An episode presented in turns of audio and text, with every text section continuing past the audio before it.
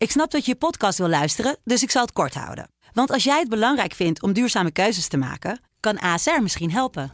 Nou hoor ik je denken, hoe dan? Nou, bijvoorbeeld bij het duurzaam herstellen van schade. Of de premies die we beleggen volgens ons duurzaam beleggingsbeleid. Dat bepaalt waar we wel en juist niet in investeren. Wil je meer weten over welke duurzame keuzes ASR maakt? Ga dan naar asr.nl slash duurzame keuzes. ASR doet het. Zo, dan kan je nu lekker naar je podcast luisteren. Dit is de politieke podcast van De Telegraaf. Ik zag het ook gebeuren tijdens de algemene beschouwingen. Toen stond Sophie Hermans natuurlijk daar namens de VVD. En stond Rob Jetten daar namens D66. En dat was eigenlijk, je zag dat tussen die twee, het is natuurlijk ook een nieuwe generatie, maar dat dat eigenlijk heel goed ging. Afhameren met Wouter de Winter en Pim CD. Ja, politiek commentator Wouter de Winter. Welkom weer op deze vrijdag. Je hebt een uh, café latte van mij gekregen. Dankjewel daarvoor. Ja, graag gedaan. Een lekker... al die investeringen, al die jaren. ja, eindelijk wat teruggekregen. Ja, maar jij geeft mij ook, hè, voor de luisteraars die dat misschien niet weten, vaak Starbucks cupjes mee. Voor mijn verjaardag, et cetera. Zodat wij met koffie de dagen door weten te komen. 44, ik zou het ook niet zeggen mensen. ja, nou dat kunnen ze opzoeken op, uh, op de social media kanalen. Maar Wouter, we hebben veel te bespreken. Het lijkt iets rustiger te worden nu in Politiek Den Haag. Maar natuurlijk gaan we het hebben over de formatie. Broekers-Knol wil ik het heel graag over hebben. Is ook weer nodig aan de gang natuurlijk motie van wantrouwen overleefd. Energiecrisis. Maar eerst eventjes met een vrolijke kwinkslag. Een kwinkslag erin, namelijk met uh, de Woppert. Ben je er klaar voor? Ja, ja, ja, ja. Uh, mevrouw Den Haan. Samen met de heer Azarkan. Of Azarkan, zoals ik dat bij Lucky TV altijd zeg. Ja. ja. Hij wil eigenlijk nooit hier echt heel erg aan herinnerd worden. Omdat hij natuurlijk als, zijn, uh, als woppert bij, Ja, bij ja. Lucky TV ook hele stoute en ondeugende dingen zegt. Tegen Sigrid, hè? Uh, laten we Maar laten we eh, geen seksistische Laten we de formatie maken, niet nee. hier verstoren vanaf eh, de podcasttafel. Want, eh, eh, maar goed, dit, het, je hoort wel eens dat mensen zeggen van... ah, kunnen we niet wat meer van de Woppert zien in plaats van van Wopkan? Want dan wordt het leven ook voor hem misschien een stuk aangenamer. Ja. Omdat iedereen wel fan is van hem in ieder geval bij de... Ja, maar Bij- ik, dacht, ik, ik dacht toch een beetje, Wouter, toen ik dit zo hoorde, van nou, hij, het is een, er zit misschien een beetje opluchting in dat hij eh, Ja. weer een, eh, een, een zware politieke week heeft eh, doorleefd, overleefd, zonder kleerscheuren. Nou zeker. En, en uiteindelijk ook die financiële beschouwing natuurlijk. Hè. Twee dagen, dat is een echt een marathondebat. Zeker voor de minister van Financiën die allemaal antwoorden moet geven op, op vaak ook ingewikkelde vragen vanuit de Kamer als het gaat om het financiële beleid voor het komende jaar. Eh, dus dit is ook wel een van de, misschien wel het belangrijkste debat voor de minister van Financiën. En dat komt dan in een week waarin hij eigenlijk begon aan het, aan het wegwerken van negatieve publiciteit. Omdat zijn naam in de Pandora Papers was opgedoken. Ja. En er een, een suggestie ontstond dat eh, onze Nederlandse minister van Financiën in belastingparadijzen belegt. Nou, dat is niet waar. Hij heeft eh, twaalf jaar geleden eh, geld gestoken in een bedrijf via het Wagener-eiland in een bedrijf van een, van een vriend die dan in Afrika ecotourisme zo. of zo eh, deed. Maar goed, allemaal opgegeven aan de Belastingdienst. Toen hij dus ook nog geen minister was. Ook aan de formateur gemeld. Hè, De, eigen, de geëigende paden bewandeld. Die horen op het moment dat je minister wordt. Eh, ook dat belang afgestoten. En nog een aantal andere belangen afgestoten. Of daar in ieder geval opgaven van eh, gedaan. Bijvoorbeeld dat zijn voormalige werkgever McKinsey. eh, een pensioenvoorziening via Guernsey had opgezet. Nou, dat, dat is iets wat je werkgever voor je doet. Daar kan je op het moment dat iemand dat doet en je wordt een paar jaar later minister, niet met terugwerkende kracht iets ongedaan van maken. Maar Nee. Viel mij op dat de Volkskrant het op de voorpagina had gezegd, eh, had gezegd dat hij belegde. Terwijl het dus een Ja. pensioenfonds. Weet je, het Ja. is. Er was bijna, ik kreeg echt de indruk van, eh, Barbertje moet hangen. Er moest echt iemand aan het aan eh, opgeknoopt worden. En ik weet niet precies waar het vandaan kwam. Misschien ook omdat het op zich natuurlijk smeuig is dat een naam van een Nederlandse minister van Financiën in die eh contraien opduikt. Hè? Want het, het lijstje met, met prominente regeringsleiders Ja. en andere politici in de landen, dat zijn natuurlijk niet mensen waar je tussen wil staan. Ook, ook echt mensen van dubieuze achtergrond met ook dubieuze activiteiten. Maar goed, hij, zijn naam dook ook op en dat was nogal afronden naar boven, vond ik. Wat ik in ieder geval in een heleboel media zag. En je ziet uiteindelijk aan het eind van de week dat er eigenlijk niet zoveel van blijft hangen. nee. Je merkt het eigenlijk al eh, tijdens het vragenuur dat eh, met name de oppositiepartijen, probeerden dus om uh, Hoekstra te beschadigen. Ik zei zonder kleerscheuren. Misschien dat er, dat er toch een kleerscheurtje is. Want uiteindelijk is het natuurlijk nooit fijn om zo in de publiciteit te staan. Ja. Maar toch nog even, Wouter, want het is wel goed om dat nog even uit te leggen in deze podcast. Ik merkte ook in de reacties vanuit uh, kijkers en luisteraars van ja, belastingparadijs, uh, schande dat sentiment leeft natuurlijk wel. Het is natuurlijk een minister die bij McKinsey heeft gezeten, consultantbureau. Nou ja, in het bestuur van een, eh, van een studentenvereniging. Misschien het imago dat hij daardoor toch wat kwetsbaarder is. Zeker, zeker. En het is, hij is natuurlijk als minister van Financiën kwetsbaar voor dit soort publiciteit. Omdat het, het, het, het doet iets misschien af aan het imago. En het doet iets af aan ons ideaalbeeld. Dat wij het liefste mensen van uh, onberispelijk uh, gedrag. die hun hele leven uh, voorbeeldig in het klooster hebben doorgebracht. totdat ze minister werden sprak toevallig ook nog, nog een uh, prominent, prominente ex-minister deze week. Die ook zei: eigenlijk moet je uh, mensen dan maar minister gaan maken op hun achttiende. Want dan weet je zeker dat ze de rest van hun leven. Uh, of de, in het werkzame leven nog niks hebben. Ja, of een jointje gerookt op de 16e of nou ja, joyride of zo. Dat kan natuurlijk ook nog. Hè? Ja, dat was vroeger al, in ieder geval in Amerika al natuurlijk al een schande. Maar daar zijn we gelukkig ook een beetje van teruggekomen. Um, hij heeft zelf wel aangegeven natuurlijk dat hij alerter had moeten zijn en meer had moeten doorvragen ik vond vooral de, de, hè, de verhouding met die Tom de Zwaan, de president-directeur van ABN AMRO, vond ik onhandig en onwenselijk. Hè. Dat vind ik misschien nog wel erger dat de president-directeur acting, dus in dat vehikel ook een belang heeft of heeft gehad. En dat is geloof ik afgestoten. Dat vond ik wel echt kwetsbaar. Zeker omdat het een staatsbank is. Maar de minister heeft zijn dingen allemaal toen hij minister werd in ieder geval ja. opzij gezet. Nog even los van het feit dat hij er ook altijd aan de Belastingdienst kennis van heeft gegeven. En bovendien een informateur heeft gemeld. Hè. Dat is het moment, als je minister wordt, heb je een soort sollicitatiegesprek met de formateur, dat is dan de beoogd premier. Dat was dus met Rutte. En dan, dan bespreek je alle kwetsbaarheden, ook op dit vlak. Van oké, hoe ziet je financiële handel en wandel eruit? Hm. Of heb je juridisch nog een vlekje op je, op je blazoen? En is dat, kan dat een belemmering vormen voor het uitoefenen van je functie? Of komt dat later boven? Als je daar maar openheid van zaken over geeft, dan kan je ook met elkaar ook die afweging maken. En dat is dus ook gewoon gebeurd. Dus het idee van er is iets duisters gebeurd wat, wat waar niemand van wist. En kijk eens, dat is nu boven tafel gekomen. Dat is gewoon niet waar. Er is alleen niet publiekelijk destijds uh, heel veel uh, of, of, openheid van zaken over gegeven. En het voorstel van D66 is om dat nu wel te doen. Maar dan kom je denk ik ook alweer heel snel in de, ja, in de lastige situatie dat um, het betekent dat op het moment dat je minister wil worden of staatssecretaris, dat je dan die hele hebben en houden ja. maar in de openbaarheid moet Wat ook weer een raar kwetsbaar moment is waarop de media dan uh, kan kiezen van waar zijn we het meest verontwaardigd over. En, ja, ja, nou dat zeg je inderdaad. Maar, maar, maar het enige aspect wat, wat, wat natuurlijk wel opvallend is in deze, is dat het aanpakken van dit soort uh, brievenbusfirma's. Dat is toch wel nou, een speerpunt, een belangrijk punt van uh, dit kabinet ook. Hè. Er wordt vaak uh, aandacht aan besteed. En dan is het natuurlijk wel gevoelig op het moment dat de minister van Financiën ook daar in het verleden. In het verleden, ja. Ja, ja en dat vind ik wel cruciaal. Hè? Ik bedoel, stel je nou voor dat jij over 15 jaar gevraagd wordt om, om minister te worden. Ja, niet van financiën, denk ik hoor. nee, dat, dat, minister, minister van Sport. Ja, minister van Sport. ja, dat zou leuk zijn. En hopen dat ik de Olympische Spelen van 2088 kan binnenhalen voor Nederland. Voor 2088, ja, ja, ja, ja. Maar ja, je bent al 44, hè? Dus ik ja, weet niet maak of je dat zelf nog, niet meer mee. Ik weet niet of, of je dat nog gaat mee. Maar um, dan nu al handelen, omdat je misschien later ooit een baan gaat krijgen. Die, die, dat is, het wordt wel gewoon heel erg ingewikkeld.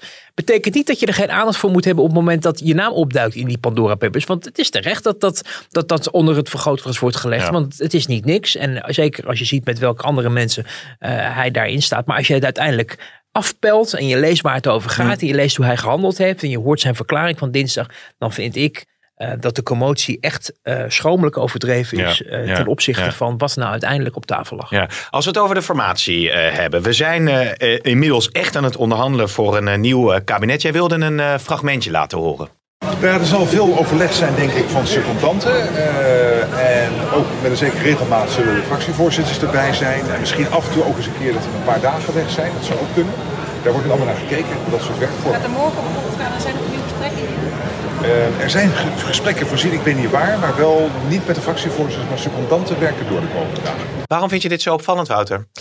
Ja, nou, dat, dit, eh, dit zei de minister-president eh, annex eh, VVD-leider na de eerste ontmoeting eigenlijk met z'n allen op af- afgelopen woensdag. En dat was, vond ik wel interessant, omdat hij heel nadrukkelijk op die secondanten wees.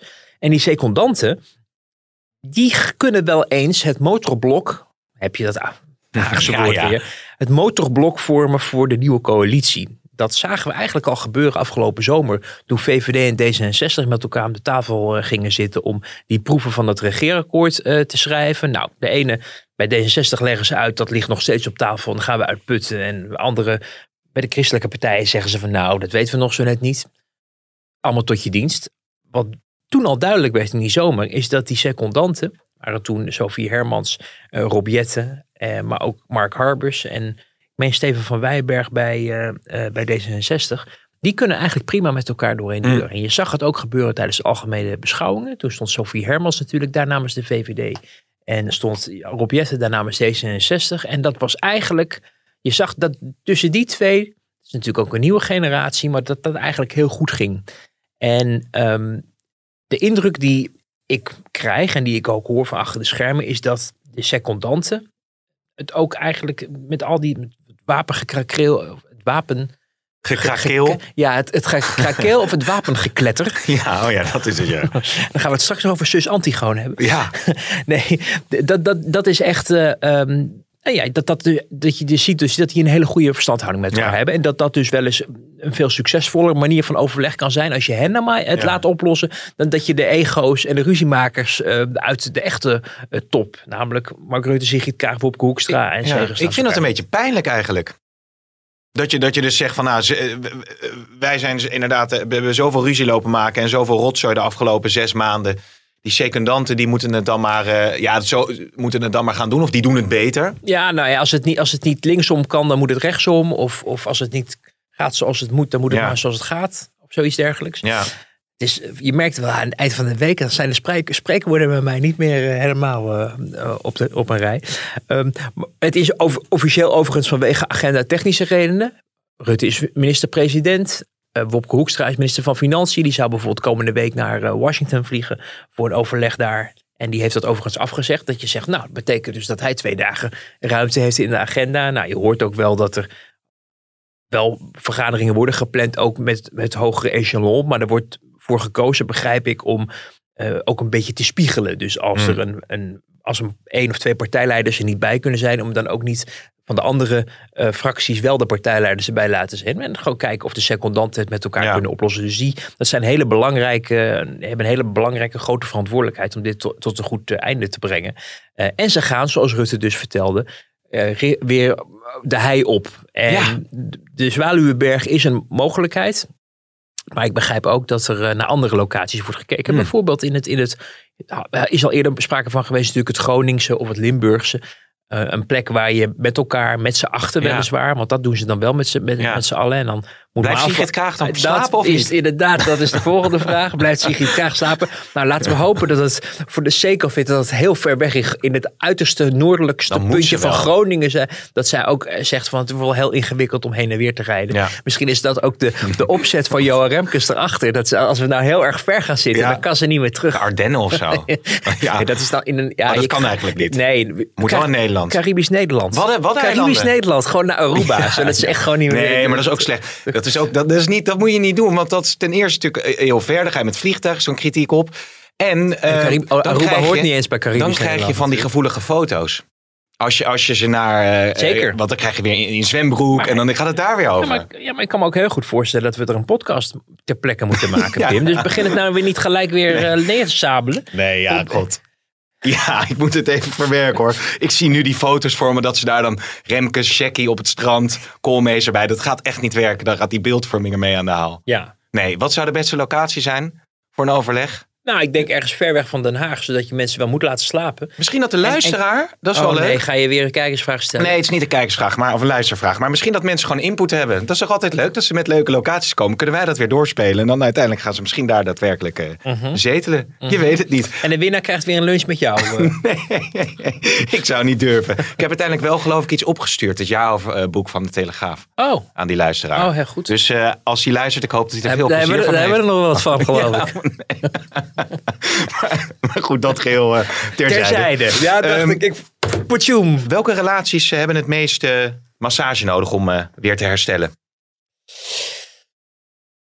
Ja, toch Rutte Kaag, Ja. denk ik. Ja, ik denk dat de ChristenUnie langzamerhand wel... Ja, die, daar is natuurlijk ook wel wat gebeurd hè, achter de schermen. Ik hoorde van de week eh, André Rauwvoet op de radio. Dat voormalige partijleider, voormalige vicepremier uit Balken 4. En die is nog steeds, vertel die bij eh, Spraakmakers bij Radio 1... eh, nog steeds in regelmatig contact kennelijk met ook zijn oude politieke partij. Niet helemaal verrassend, ook omdat zo'n kleine club is, Hmm. is het logisch dat je af en toe ook nog spart met mensen die het ooit ook een keer hebben gedaan. Dat is eh, Rauwvoet natuurlijk. Dus er is ook ideologisch natuurlijk nog steeds, ehm, ja, zitten ze op één lijn. Het ging ook in die uitzending over, ik geloof, een programma als Nederland zingt. Het ging over Oh ja. christelijke zang. En dus je, je, je, je, je proefde gelijk de ChristenUnie geur door de, door de luidsprekers van de, van de autoradio. Toen, eh, toen je André Rauwvoet hoorde spreken. Maar die zei, gaf ook wel aan van ja, eh, er is ook wel rumoer geweest in die achterban. Dat er veel te veel op de man was gespeeld door Segers. Op het moment dat hij Rutte had afgeschreven. Dus Segers heeft in de loop der maanden echt ook een draai gemaakt. Daarvoor is die tijd misschien ook wel weer handig geweest. Om uiteindelijk toch weer te zeggen: oké, we zijn bereid om over regeringsverantwoordelijkheid eh, te praten. Dus, eh, en als dan inderdaad Sigrid Kaag een keer heeft geroepen, eh, roestige auto of zo. Nou ja, eh, dat was natuurlijk niet leuk destijds. Maar je merkt wel dat ook, ook D66 zich best koest heeft gehouden de afgelopen weken over Ja. medische ethiek. Hè? En ook in het verlanglijstje, zoals ik het maar even noem, van Sigrid Kaag. Die ze uitsprak vorige week toen ze zei: Ik ga toch eh, weer met de oude coalitie om de tafel zitten. Dat ze ook niet medisch-ethische zaken eh, noemde. Wat overigens niet betekent dat dat niet een belangrijk onderwerp wordt. Zegers heeft er wel duidelijk van gezegd dat dat misschien wel iets is wat je heel duidelijk in het regeerakkoord moet afspreken. Omdat standpunten uiteenlopen en je elkaar ook niet wil verrassen. Eh, maar goed, de wensen zijn duidelijk, ook vanuit D66. Eh, maar ik heb het idee dat dat daad, en dat, dat is ook iets wat je bij andere partijen hoorde de afgelopen tijd. Dat ook van bewindspersonen die in de huidige coalitie zitten, dat D66 en ChristenUnie heel vaak goed met elkaar optrokken. En heel, Ja. eigenlijk het heel goed met elkaar konden vinden. En in ieder geval in de ministerraad het nooit met elkaar een stok hadden over dingen. Omdat zij bijvoorbeeld op het klimaatbeleid, maar ook op asielbeleid, heel vaak aan dezelfde kant Ja. van de touw stonden te Ja. trekken. En een veel hechtere band nog vorm, vormde eh, met elkaar dan bijvoorbeeld zelfs VVD en CDA bewindspersonen deden in het kabinet. Hmm. Dus daar zit op zich best een basis om mee verder te gaan. Dus ik, ik zie niet dat dat. Ik zie ideologisch natuurlijk wel een belangrijk verschil rond medisch-ethische zaken. Maar als het gaat om de persoonlijke verhoudingen, denk ik niet dat Gert-Jan Segers en Sigrid Kaag elkaar naar het leven staan.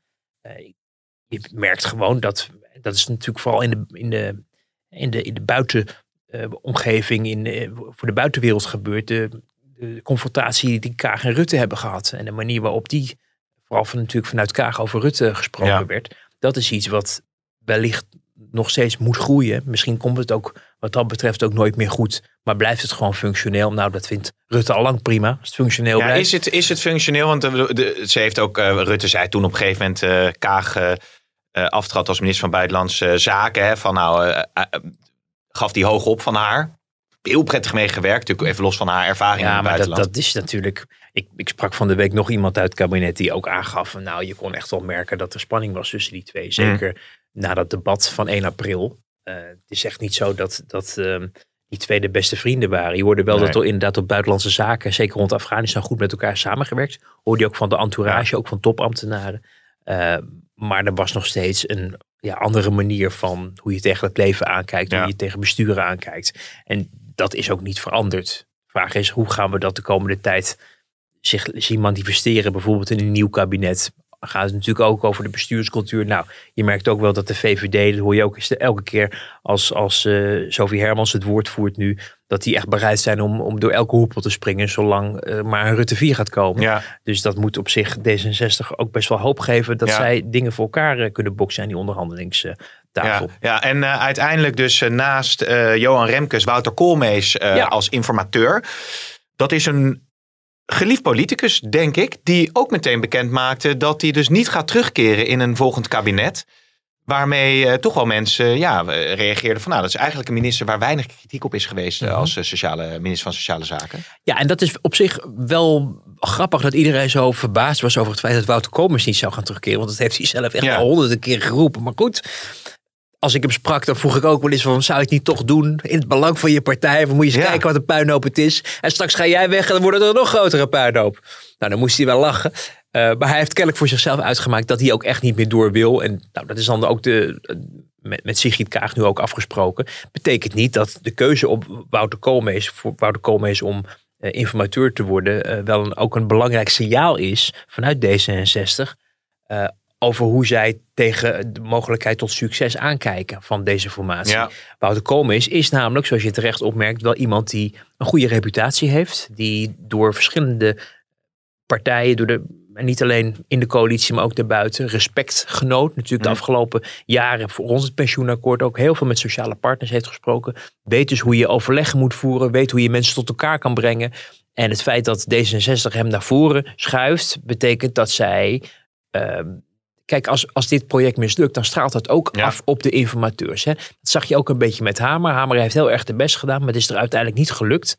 Terwijl haar dat wel min of meer werd toevertrouwd. Zij was Ja. toch de koningin van de SER. En, en het is te makkelijk om te concluderen, het komt door haar dat het niet is eh, goedgekeurd of goed gekomen. Maar het is natuurlijk gewoon niet fijn. Dus ze baalt er denk ik zelf ook van. Dat het Maar of ze heeft uiteindelijk getrechterd, waardoor Remkes hem kon inkoppen. Ja, nou ja, er zijn het misschien.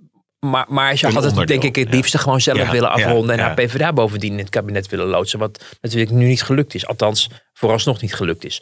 Ehm, dus het signaal wat D66 afgeeft. Ze zetten hun, hun meest onomstreden bewindspersoon. Eigenlijk misschien wel hun meest onomstreden politicus van het moment in. Om dit tot een succes te maken. Ja. Eh, ik denk niet dat ze het hem aan zullen doen om nog maar een paar maanden helemaal gek te worden van alle vergaderingen en, en pogingen om een kabinet te vormen om het vervolgens op een mislukking te laten Ja, uitdraaien. Dus het ja. is ook een investering van D66 in een mogelijke succesvolle afronding van dit eh, experiment, zoals het zelf Ja, noemen. nou ja, heel benieuwd hoe dat verder gaat. Gaan we natuurlijk allemaal volgen in Ma- Mag ik nog één ding Natuurlijk, opmer- wel merken, meer. Pim? Want ik vond wel, daar had Pieter Omtzigt zich wel een punt deze week, dat het natuurlijk wel raar is dat als je het hebt over de nieuwe bestuurscultuur, Wouter Koolmees, die heeft natuurlijk wel, bleek uit die notulen, achter de schermen best een rol gespeeld in het ja, opzij zetten van die Kamer. En dat dat allemaal Ja. toch niet de bedoeling was dat Ja. die Kamer zo vervelend Ja. deed. Dat zagen we publiekelijk natuurlijk niet gebeuren. En je hoort dat de reden waarom hem dat nu vergeven wordt,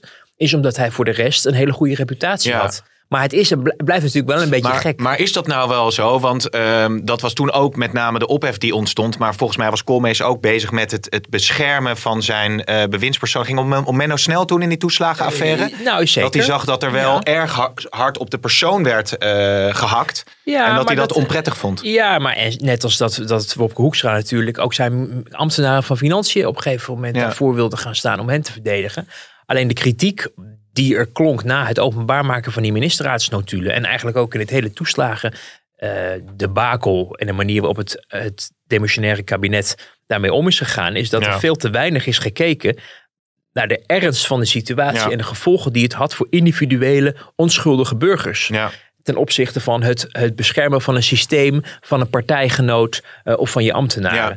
En, en dat is iets wat je, waar je het hele, hele kabinet voor verantwoordelijk kan houden. En zeker ook, als je in de natuurlijk kijkt, ook Wouter Koolmees die daar Ja. ook in meeging. Alleen het wordt hem in Den Haag toch vergeven, omdat hij een goede reputatie heeft van iemand aan wie het ministerschap eh, en nu ook de, de, de, de formatieperiode aan is toevertrouwd. Ja. Omdat mensen denken, hij is geschikt en hij kan eh, ook boven partijen staan. Hij kan ook zich verplaatsen in andere partijen. Hij heeft natuurlijk ook de, de onderhandelingen naast Alexander Pechtold gedaan voor het huidige demissionaire kabinet. Dus hij weet hoe dat werkt, maar hij weet ook hoe nou, je je ook in anderen kan verplaatsen. En vooral dat element, dat is iets wat we natuurlijk afgelopen maanden bij D66 heel ja. erg hebben gemist. Dat was vooral zenden, zenden, zenden. Ja. En dit is wat wij vinden. Zonder dat je dacht, Ja. misschien hebben ze ook nog begrip voor hoe andere partijen in de wedstrijd staan. De- eh, jij bent natuurlijk ook verslaggever Koninklijk Huis. De koning heeft ook gesproken hè, met eh, de, de, de slachtoffers van de toeslagenaffaire. Kreeg ik deze week mee. Ja, en dat is, eh, nou ja, dat is waar de koning ook voor is. Hè, om op een gegeven moment ehm, met allerlei mensen die mooie prestaties leveren of die buitengewoon in de verdiening eh, komen, en alles wat ertussen ligt, om het gesprek aan te gaan. Ja. Dat is trouwens een gesprek wat vooral bedoeld is om te luisteren. En af en toe pikt hij er wel iets van op. En dat vertelt hij dan aan Rutte of aan een bewindspersoon als hij die tegenkomt. Of als de meeste bewindspersonen komen ook langs op het paleis eens in zoveel tijd om over hun portefeuille te praten en hoe het gaat. Er wordt verder geen rugbereid aangegeven. En de, de staatshoofd mag af en toe ook die bewindspersonen een zorg meegeven of aansporen om actie te ondernemen of wat dan ook. Eh, maar mijn ervaring is dat met die gesprekken er vooral veel geluisterd Ja. wordt. En zeg, goh, wat erg voor u. En legt u eens uit hoe, wat, dat zijn van die typische koningsvragen. hè. Dat deed Beatrix deed ook. Maar dan, dan geef je mensen het gevoel dat ze hun verhaal Ja. kwijt kunnen. En Goed voorbereid was hij. Ik zag het bij eh, Galit en Sophie, een stukje daarvan. Oh ja? Dat, eh, dat, jij, jij dat- kijkt nog wel? Ik, ja, nou, met mij 500.000, 600.000 mensen. Hè. Maar eh, nee, ik vond het wel aardig om, om die, die, die eh, slachtoffers te horen. En die zeiden dat de koning zich zo goed had eh, ingelezen en voorbereid. Dus dat, ja, dat, dan wel goed dat hoor je eigenlijk altijd. Ja, en dat, en dat, is, dat, dat doet hij ook wel hoor. Dat is ook wel mijn indruk dat hij weet waar hij het over heeft. Dat merkt hij ook op al die bezoeken die ik een paar jaar geleden ook heb gedaan met alle bewindspersonen van het huidige kabinet. Maar wat je ook heel erg merkt is dat hij ook eh, bepaalde standaardvragen hebt. Die zie je, zag ik laatst ook al bij de jongere generatie al een beetje doorcijpelen. Maar Hmm. ook nog bij Beatrix van... eh, eh, kunt u eens uitleggen waarom het zo belangrijk is voor Oh ja. u? Zodat je mensen zelf hun verhaal Ja, ja. laat doen. En ze zich ook echt gehoord voelen. En, niet, en dat is wel iets wat je in al die jaren majesteit zijn eh, natuurlijk leert. Ja, die hou ik er ook in, eh, interviewtechniek. ja, ja, ja, ja, eigenlijk is het een soort interviewtechniek. Namelijk niet, je, niet, niet zelf eh, proberen om dingen uit te vinden of dit is mijn mening. Maar mensen zelf te laten praten, zelf hun verhaal te laten doen.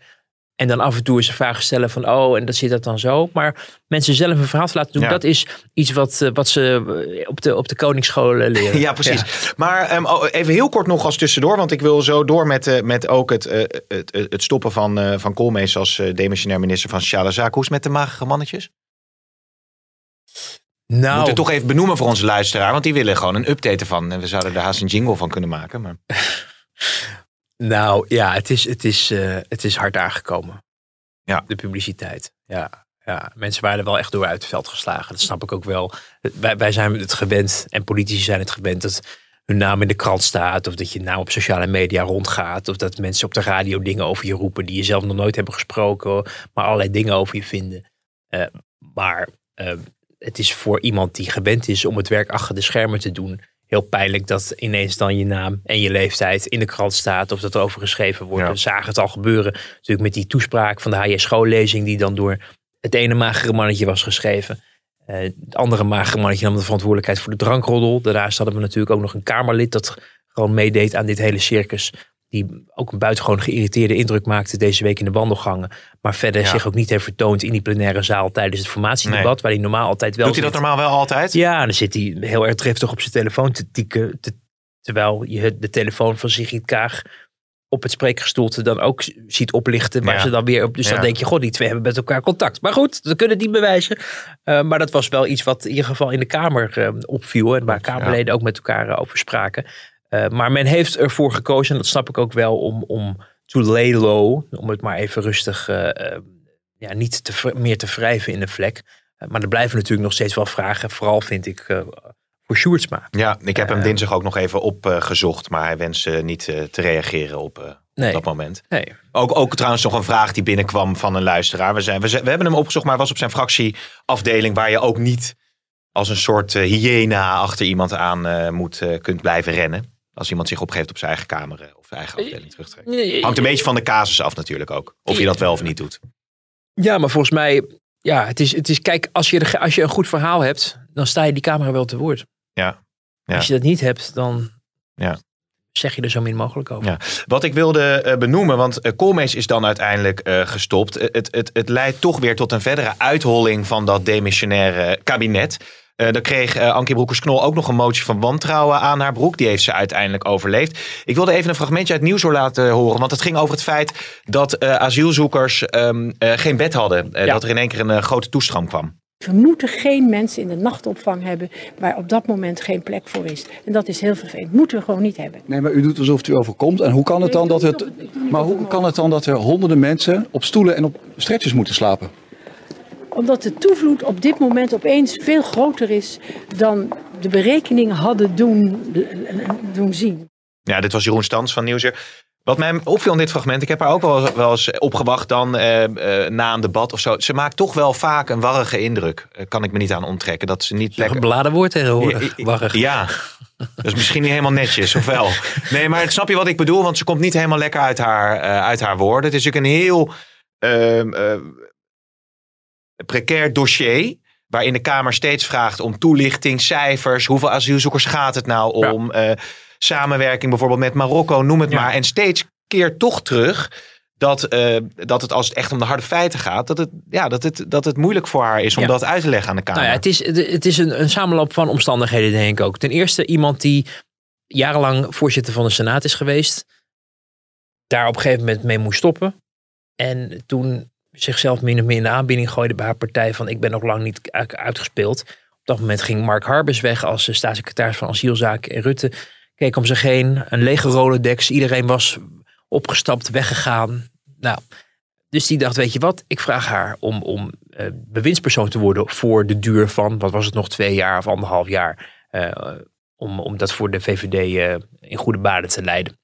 Dus dat was ook even wennen voor haar. Want dan zit je ineens, ben je bewindspersoon, verantwoordelijkheid, zwaar dossier. Maar Ja. de gedachte ook bij de VVD was van, zijn ze charismatische eh, politica? Eh, als senaatsvoorzitter kennen we haar van in ieder geval haar optredens in de Senaat, maar ook van de legendarische serenades. En ik las en hij zei, toen kwam Cenk Willeke met chi chi chi. Ja. Cheng Cheng Cheng. Ja. Cheng Cheng. Nou, Ja, ja, dus ja. zij was, ehm, zij was iemand die, die, die op zich wel een positieve vibe had en een positief gevoel op, op, opriep bij mensen. Op het asieldossier is het wat stiller geworden. Ook omdat men natuurlijk de eh, discretionaire bevoegdheid naar de IND heeft eh, verplaatst. Waardoor de bewindspersoon in kwestie niet elke dag verantwoordelijk is voor wat er op de in talkshows wordt geclaimd. Dat mensen hier ten onrechte weg moeten of waarom ze niet mogen blijven. Nou, dus dat is op zich is het wat rustiger geworden. Maar een belangrijke verantwoordelijkheid is wel eh, de opvangcapaciteit wel in goede baan leiden. Dat is een probleem wat al langer speelt. En waarvan je nu kan zeggen, waarom is dat niet geregeld na al die jaren om dat zo in te richten dat je toch een hybride model hebt. Zij Ja. zegt van ja, maar de toestroom is nog veel erger. Maar dat hebben we natuurlijk ook al eerder gezien toen bijvoorbeeld Klaas Dijkhoff destijds nog Ja. staatssecretaris was van asielzaken. Dus daar zit ook een, ja, misschien ook wel een, een, een eigen gemaakte fout in. Daarna speelt mee, de dame is 75. Eh, dat is op zich natuurlijk een respectabele leeftijd, maar dat is even iets anders dan je in je hele leven gewend bent dat er ineens allemaal camera's en microfoons Ja. om je heen dartelen, terwijl jij je een, weg probeert te banen van of naar de eh, eh, plenaire zaal waar Ja. een motie van wantrouwen tegen je wordt ingediend. Dus waar mensen eigenlijk tegen je zeggen, ga jij maar lekker naar huis, iets anders doen met de kleinkinderen spelen.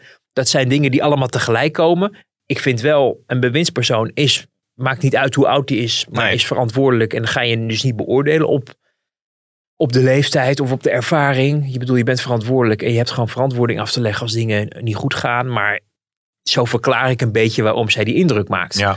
Eh, komt ook bij dat ze natuurlijk een eigenwijze vrouw is. Eerlijk is eerlijk. Ze geeft het interview in het AD over dat er honderdduizend mensen hier De naartoe brain komen. drain, hè? En de brain drain. En, en ehm, ik denk wel dat er best een punt te maken is dat je de bevolking waarschuwt over de, het incasseringsvermogen van de samenleving, de opvangcapaciteit, maar ook wat een samenleving aan kan. Dat is niet alleen maar de VVD die, eh, of de VVD-staatssecretaris die dat vindt, maar daar is bijvoorbeeld al tijdens Rutte 2 ook in de PvdA heel nadrukkelijk over gesproken van het zet de solidariteit in de samenleving onder Mhm. druk. Als wij eh, wel allerlei faciliteiten gaan regelen voor nieuwkomers, maar onze eigen mensen geen Ja. huisje kunnen bieden, want iets wat op dit moment natuurlijk ook speelt. Ja. Dus het feit dat jij als staatssecretaris daar ook een signaal over afgeeft van we moeten, het is wel eindig wat we kunnen doen.